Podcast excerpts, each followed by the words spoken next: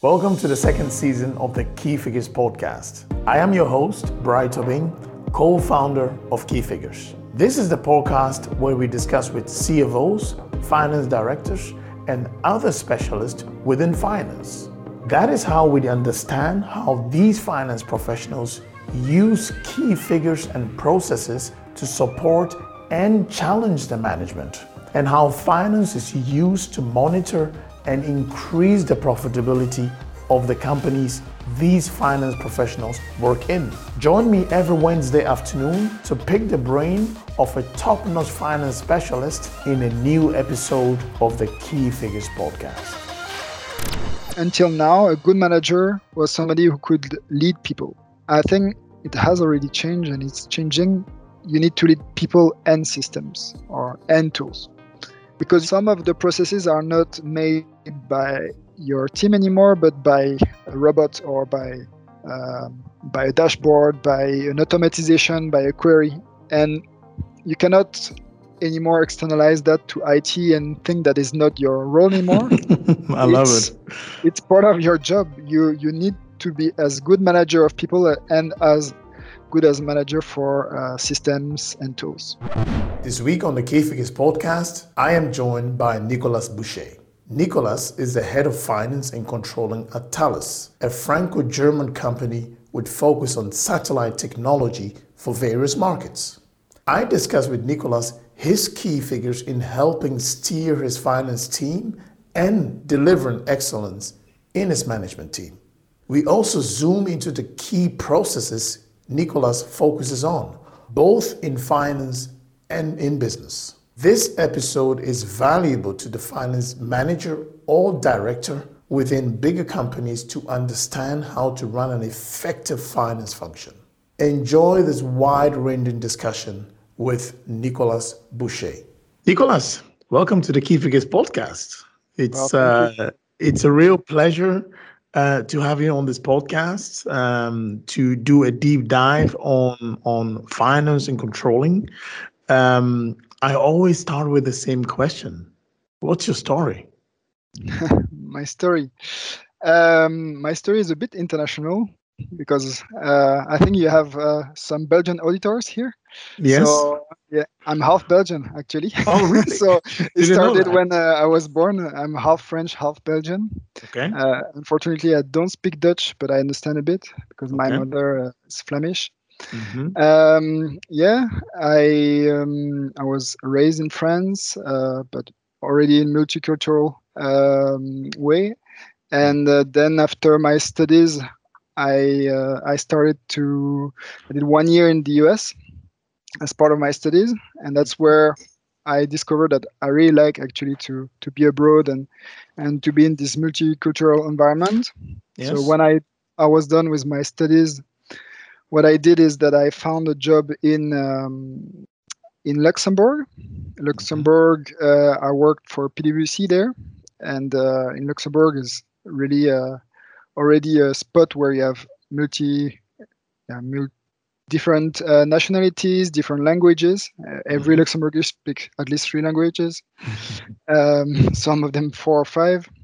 And um, then after that, uh, as part of the PwC uh, secondment program, after three years, I could go to uh, Singapore. Okay. Also working for PwC there, and Singapore another spot with other uh, international uh, yes. Uh, people, like a lot of expats, uh, a lot of Belgians. I was in the Belgian football team actually there, so it was interesting. You were. yes, yes well, the, the Belgian expat. Mm-hmm. And um, then after two years, I came back to Luxembourg, work again a bit for PwC. And uh, my wife is German. I met, met her in uh, in the US when I studied in the US, mm-hmm. and we decided to move to Germany to to build a family here.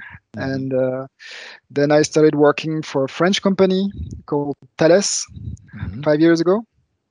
Uh, first in the finance transformation, for a few years, and now since three years, I'm leading the the finance team for uh, one of the site of Thales. Uh, we are around 400 people, mm-hmm. uh, and what we do is a really niche uh, product. We produce traveling waves tubes for satellites. So if you receive um, television through Astra, okay. you get it. Um, yeah, you get it through our tubes that we produce. Okay. So some tubes that we that we send in satellites. Okay, fully understand.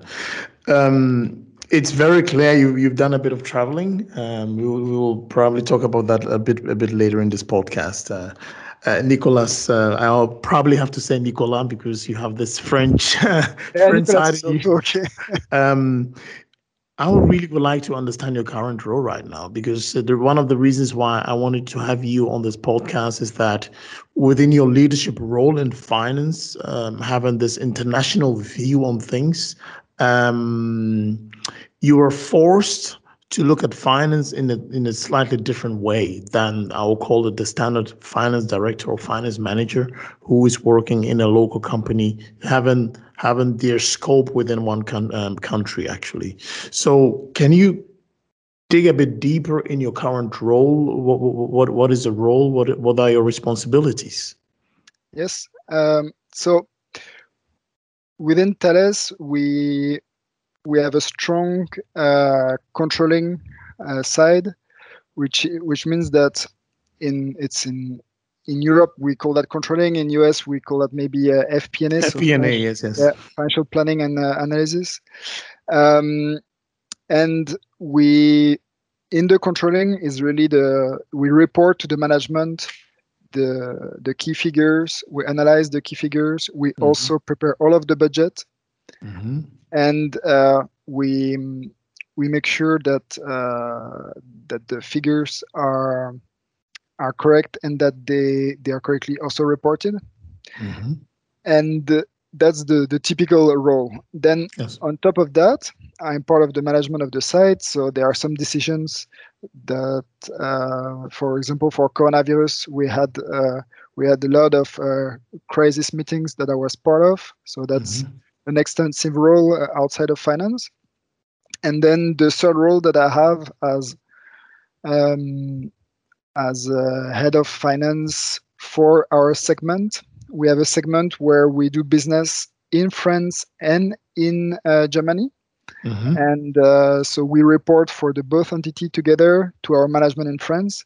So. I have a side where I connect the dots between France, our local site in Germany and also the central site in Germany, as mm-hmm. I was mm-hmm. also before in the central site. So I do this uh, yeah this connection between between many languages because I can also speak the three languages, uh, which is uh, important as our company is really French driven. That's a huge and, uh, asset, by the way. Yes, so that's really the the third role I have, uh, connecting the dots, and uh, my my management is also expecting that from me. Obviously, yeah. Okay, great. You you, you already um, mentioned the word key figures is also um, why we call this this podcast key figures.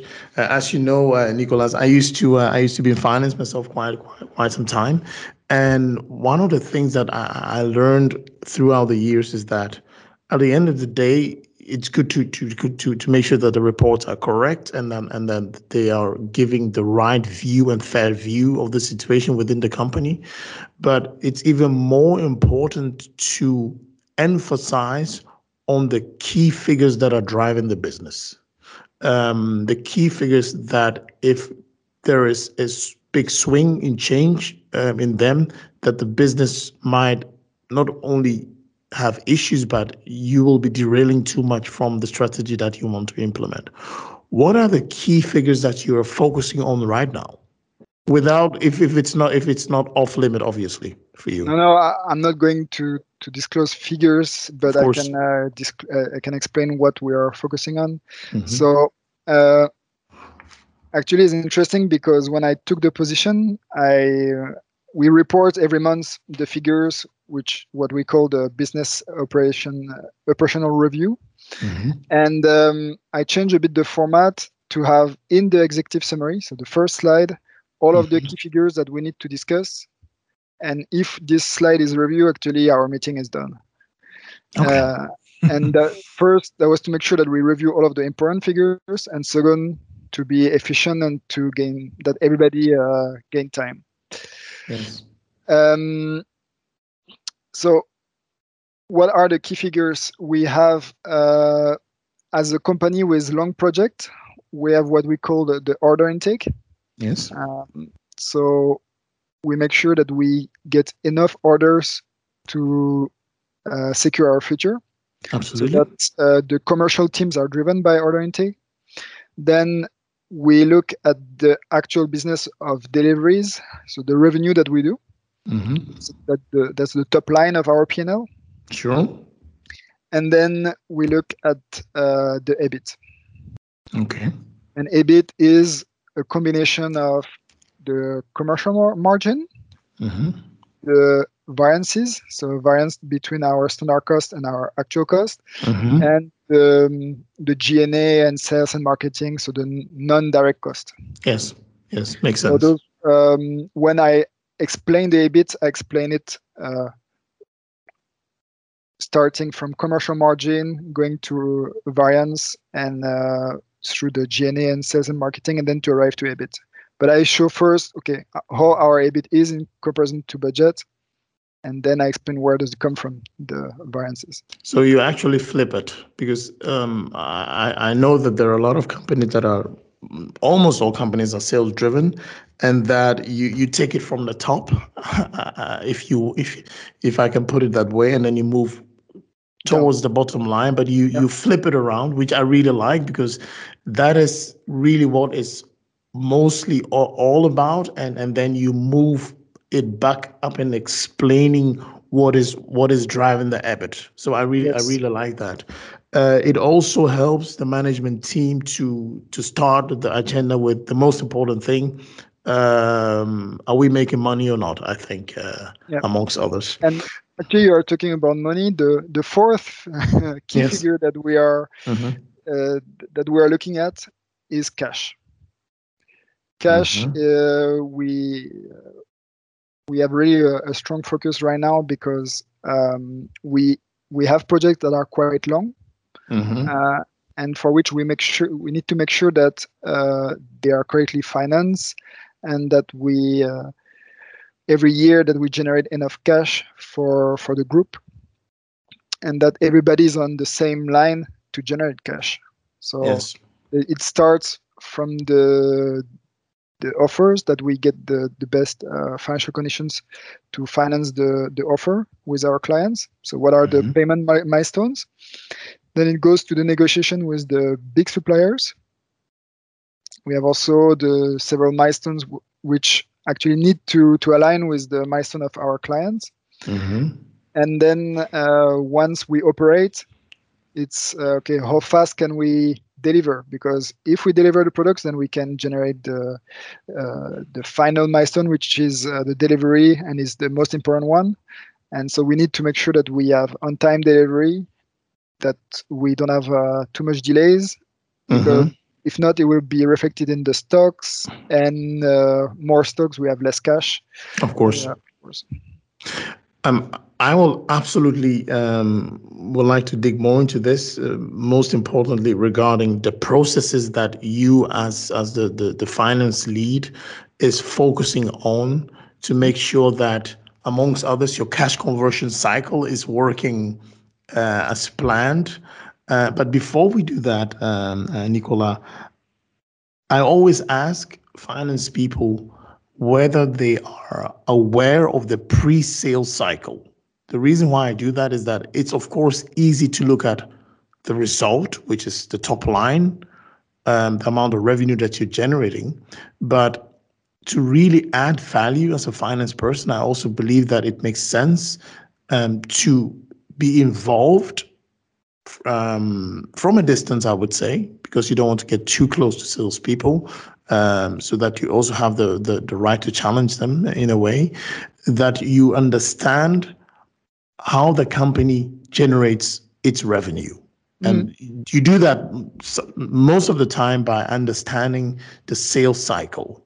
Are you also focusing on what I'll call pre-sales metrics that uh, maybe with some some lagging will lead to sales? Do you understand the question I'm trying to put? Yeah, like for example, um, the leads and how, how much yes. we have, how many offers. Yes, yes. Yeah. Uh, pretty much your pipeline. How's how healthy mm. is your pipeline looking? Um, what are the conversion points? Are they converting with the speed that you're expecting? Because that maybe a quarter or two down the line will generate your revenue. Yes.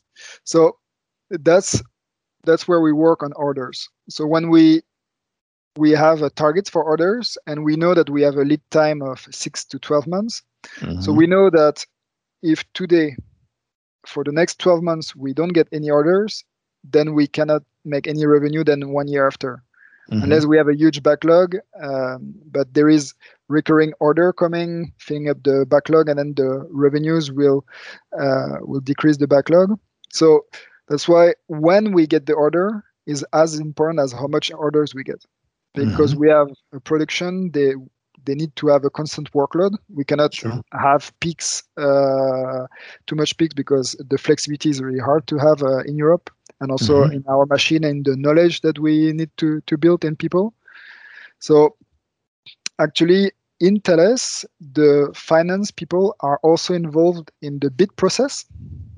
Great. Sometimes is specific. Uh, we have specific bid controller for mm-hmm. projects that are multi multi 100 million euros. Uh, we had that in some part of our group where this big defense project or big transportation project. Um, so we have specific bid controllers.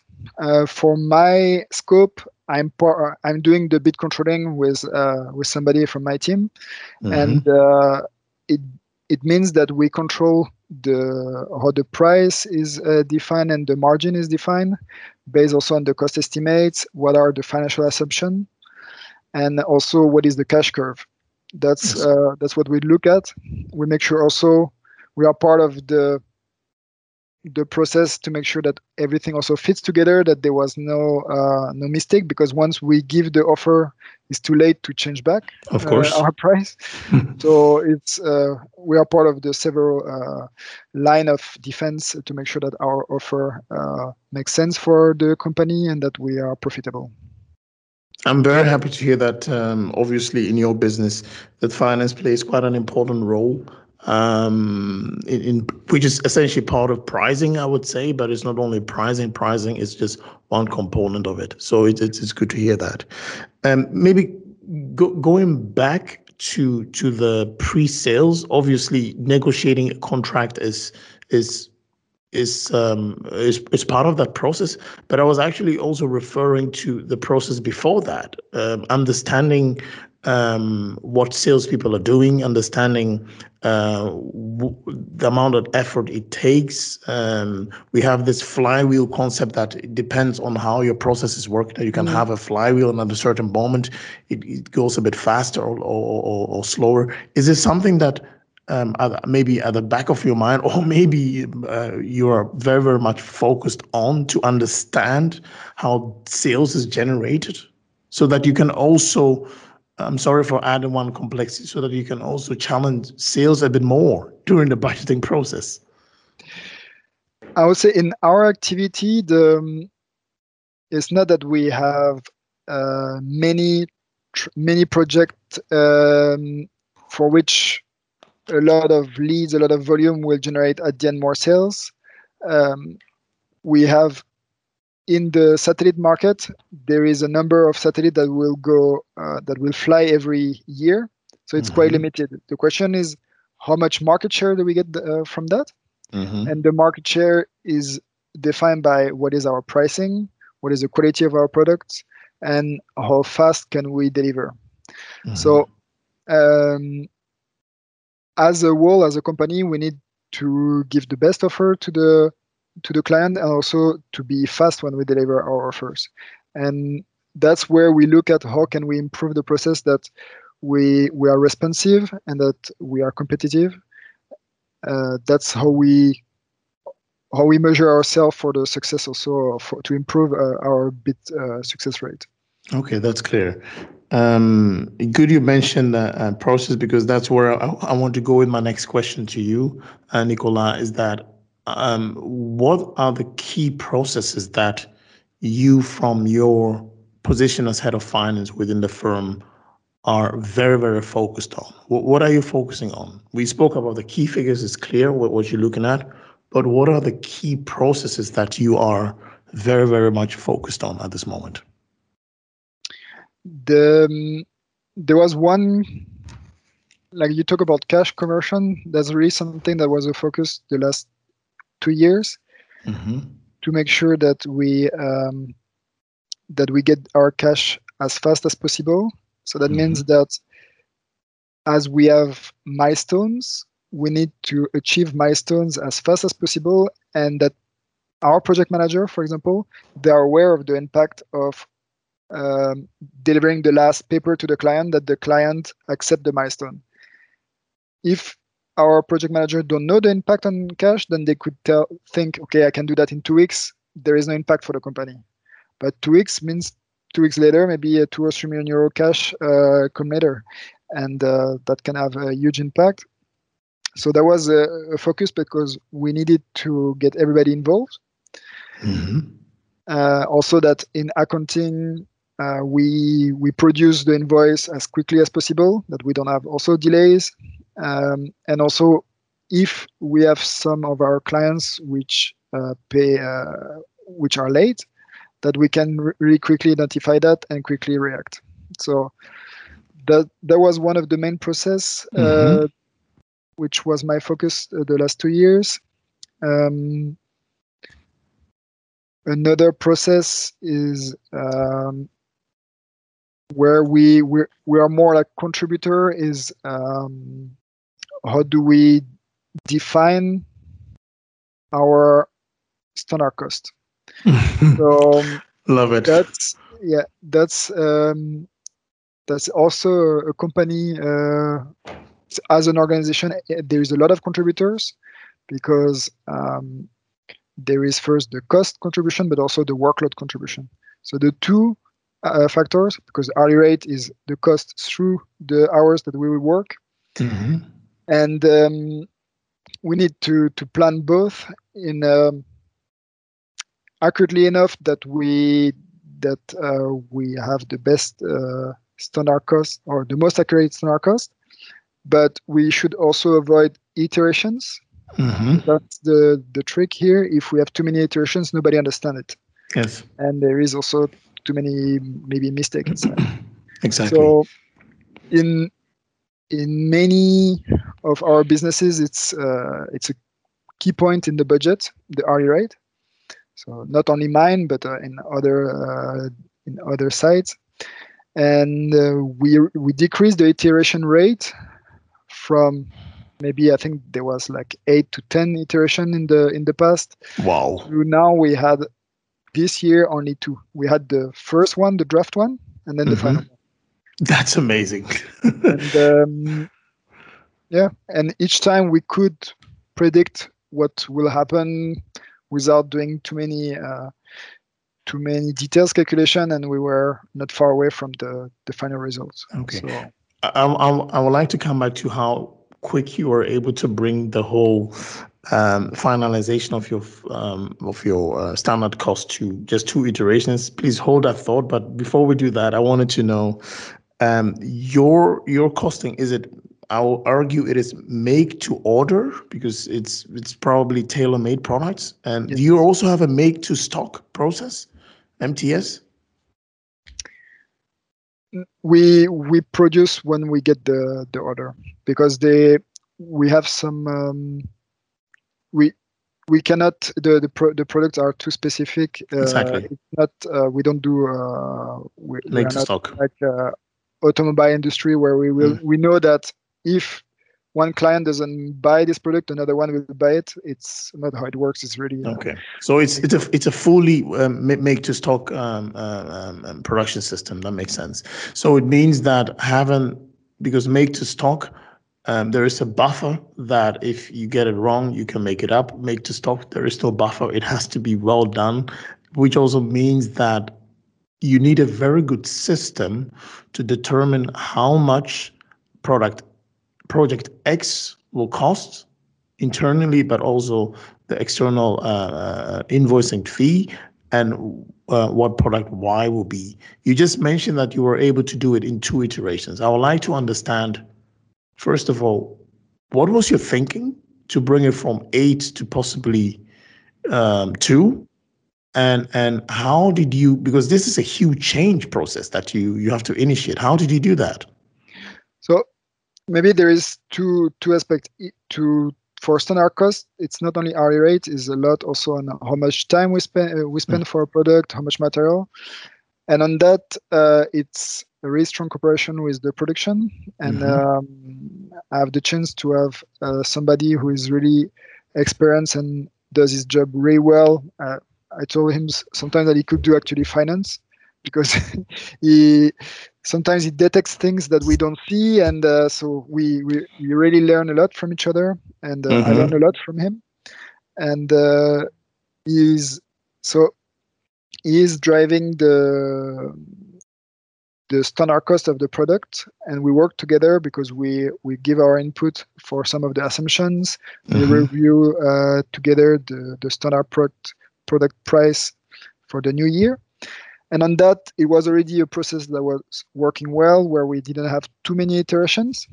Mm-hmm. Um, but I would say, like the last, yeah, the last two years, we really made it where we had only two versions, and where we could understand uh, the variation of our uh, of our standard cost. And as our product are mainly done by uh, where we put a lot of hours 80% 70 or it depends on the product but the main the, the most important part of our product is hours so if our hours move then uh, we will we will have an increase or decrease of the standard sure. Product. So. So the key driver is uh, is is, um, is is is actually labor content, uh, essentially. Yep. Okay. Okay. Clear. Clear. Um, I think we've set the stage. Uh, Nicolas is very clear for me um, uh, what what you do, uh, how you do it, and it seems that you're very, ambitious uh, in in making this interesting changes. That it's very very important to help you um, expedite on some key processes. Um, I've been following you a while on LinkedIn, and, and I know that you're very very much into what I'll call very detailed stuff, not super high level, but practical practical things. So I wanted to um, to shift gears a bit and, and talk to you with uh, regarding digital the, the, the impact of of uh, what I'll call digital on on finance. What is your take on it? Where do you where do you see it go? Um, often I see I say that I don't think it's only for finance; it's for all of the managers. But mm-hmm. I think that until now, a good manager was somebody who could lead people. Mm-hmm. I think as from now, and it uh, it has already changed and it's changing. You need to lead people and systems or and tools because you are going to have uh, some of the processes are not made by your team anymore, but by uh, a robot or by um, by a dashboard, by an automatization, by a query, and you cannot anymore externalize that to IT and think that is not your role anymore. I love it. It's part of your job. You you need to be as good manager of people and as good as manager for uh, systems and tools. Mm-hmm. If not, um, I think the future or your future, if you're a manager and you only focus on people, you are going to to miss a part of the job. Mm-hmm. And so, for me, I was always uh, uh, for my I always had a IT uh, affin yeah affin or affinity. Affinity affinity yes. Affinity um, and I see that is helping me every day because uh, I also think that our software um, our tools are expanding every day. Every month, I get a new software that I have to to use. And again, here we need to change the mentality because today everybody has a phone with 20, 30, 50 apps. for each app, I, don't know, do you get a specific training for each app or you just dive in? uh, it depends on the company, but uh, I, I used to just dive in.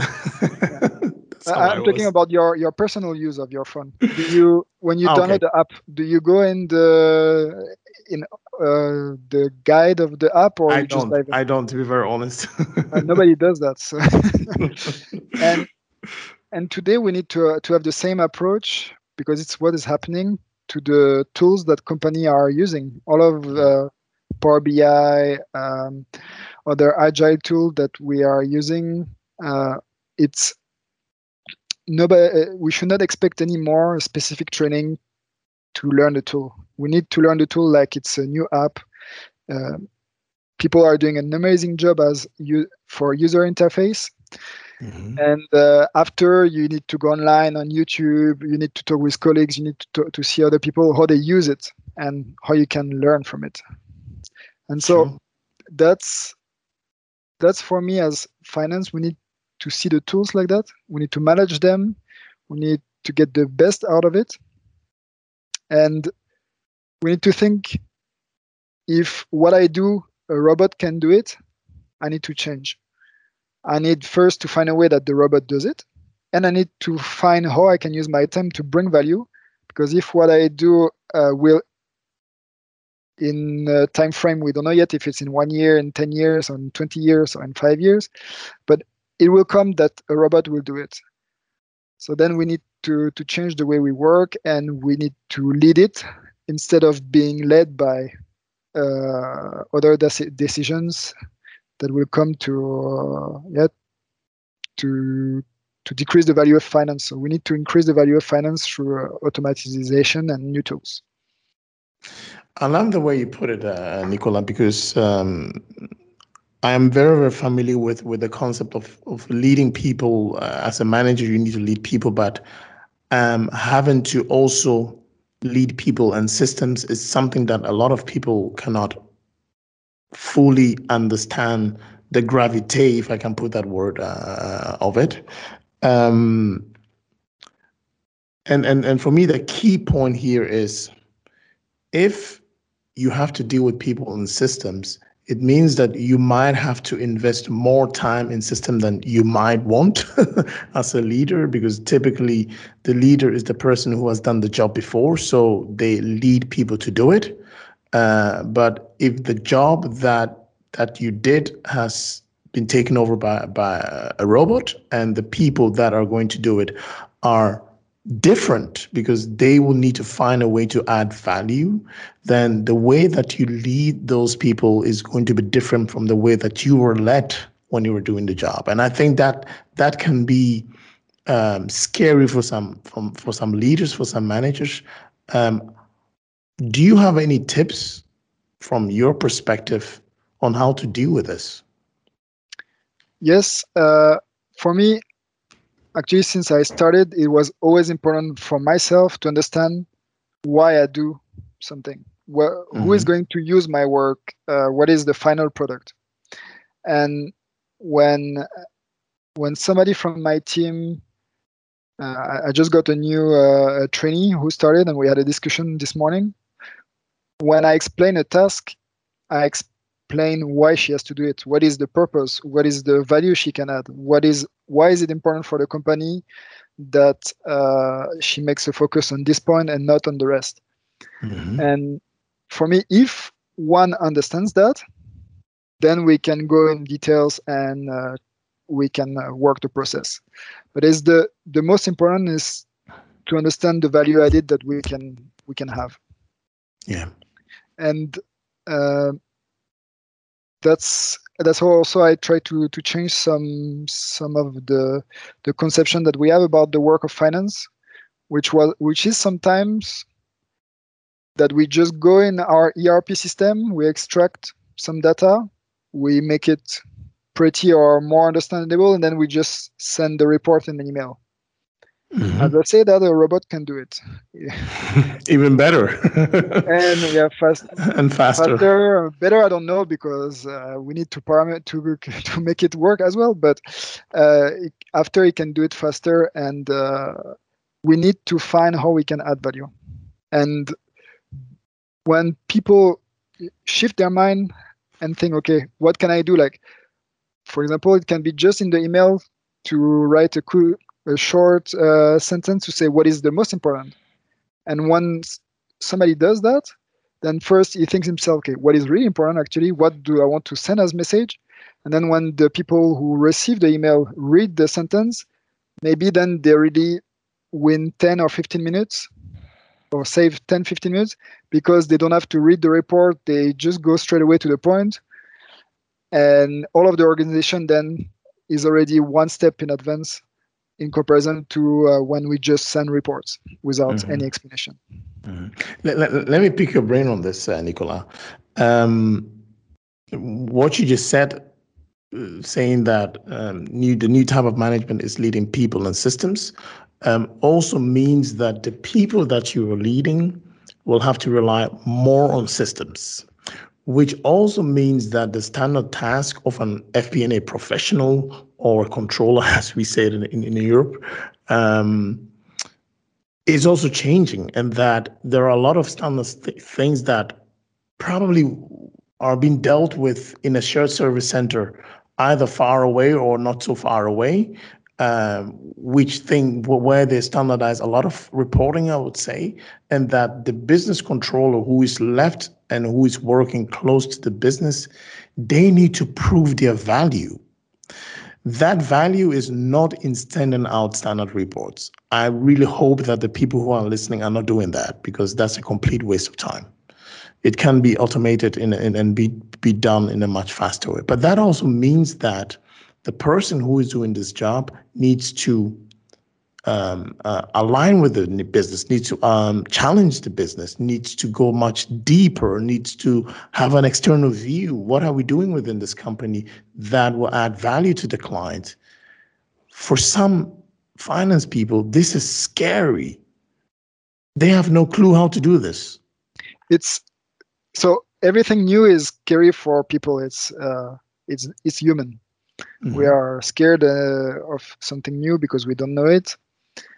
Uh, what is interesting, and that I I lived that in my team because in my team because we changed, we had some uh, change in people, we had some change, we rotated the the task. Is that actually once people get past the fear of new and start to dig into it, they get excited, and then they see first that they can learn a lot that they can uh, maybe change faster as well as than what they thought. Mm-hmm. and that give them confidence actually to go in this direction. But as manager we need to help them. We need to show the way. We need to show the small quick wins uh, to show that it worked for one process and we need to be there and help give the confidence that is going to work and that's the right way. And uh, yeah after two three years where we started to do that it's uh, i can tell it works i see uh, everybody is uh, has a better understanding as before on what why they do. There is also more information exchanged between uh, our colleagues within a team because one topic is not to treat only in silo because if we see for one program a specificity you can be sure that from the start of the project where we book it in our system to the delivery everybody who is going to touch this project has to be to have in mind this specificity. Mm-hmm. if not we are going to have problem in our system or the way we we report our figures because we didn't take in account this uh, specificity. Yeah. makes sense. Fully understand. Um, data science is hot. And the reason I want to integrate data science in, the, in this discussion is that I talk to a lot of business controllers and they ask me, does it really make sense for me to start taking up classes in Python? And I say, yes, of course you should. If it saves time, if it elevates your thinking, if it makes you better analytically, you should do it. What is your what is your thought on this? I don't think that um, it's necessary to dive in something like uh, Python or coding. Um, it's because if somebody is already doing coding in Excel with formula, with logical uh, logical way of getting a result. Mm-hmm. If A then B, or yes. if yeah. if uh, one then two, it's already an art of coding. Then yes. it's just another language. So I just want to make sure that our people they have this way of thinking because mm-hmm. we need to adapt how with data we need there is only one way of language it's uh, is this binary language so mm-hmm. if we can code in one language then you can learn others um, and i see that now all of the new tools like power bi for example that you don't need really to code a lot to have a, a result which is uh, enough to bring value to the company but then it depends if you know that you are going to do only that, like reporting, only uh, if it's really your focus, then you do you should do it. If you are going to palm, to work with the data of the company and data warehouse, and if you are going to code program uh, reports, then you need to learn one of the coding that you are going to use. Uh, but again, I think it's um, it's more if people never had that as a if their brain is uh, never really approached one of the coding mm-hmm. languages mm-hmm, or if mm-hmm. in excel they have difficulty then they need to find how they can learn uh, coding because after all of them they will work the same way and uh, it would be the same approach i fully agree with you but i also choose to disagree a bit because um, i see companies running data science projects and and thank thankfully um, finance people are really understanding also the value of integrating a, a, bit of that in the way that they are working, especially with repetitive tasks. How can you how can you uh, automate them in a good way? Uh, on the other hand, there is this trend or yeah trend that that that, that is going on that um, business controllers just to stick to that example um, want to be a bit more technical so that they they can add value. And that is the reason why I brought I brought that example of is there a need to have um, to pick up a new coding language, which is Python, a new way of thinking. Yeah, I think if you know that you are going to deal with a lot of data and reports, then you should look at uh, what is your company doing. Doing? Are they doing SQL? Uh, are they working with uh, DAX for, for uh, Power BI. Um, you, you, need to look at that. Uh, also, if you want to change career, if you want mm-hmm. to to go to another company, maybe look at what is currently used by most of the company, and then if you learn that, then you are going to be in the top one percent of finance who can do that because yes. most of the people don't take the time for that. Um, so I think it, it's a cho- choice that you have to make, a choice that you have to make. Mm-hmm. Uh, for me, I think I have interest in coding, and uh, but I never took the time to to learn and go deeper because I have more uh, a multitask job, and I'm not uh, the the time to learn it really deeply to be to work alone and to do something uh, where I have the same the same performance that somebody doing who does that every day is mm-hmm. too much. What I just want is to learn how I can quickly uh, quickly code uh, a, a, report yes. without going too too deep in the.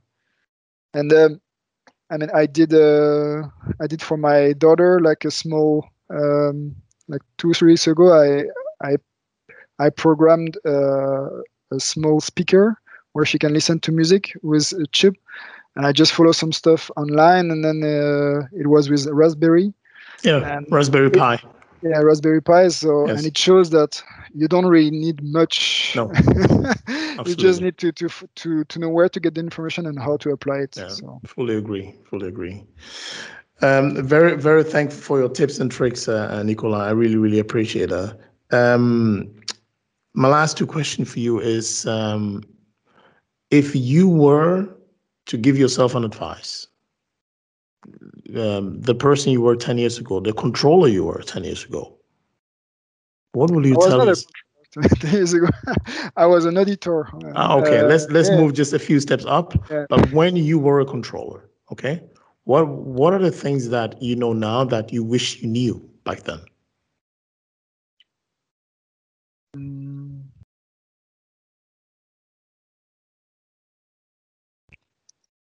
I think it's there are two things that um, I would have done more.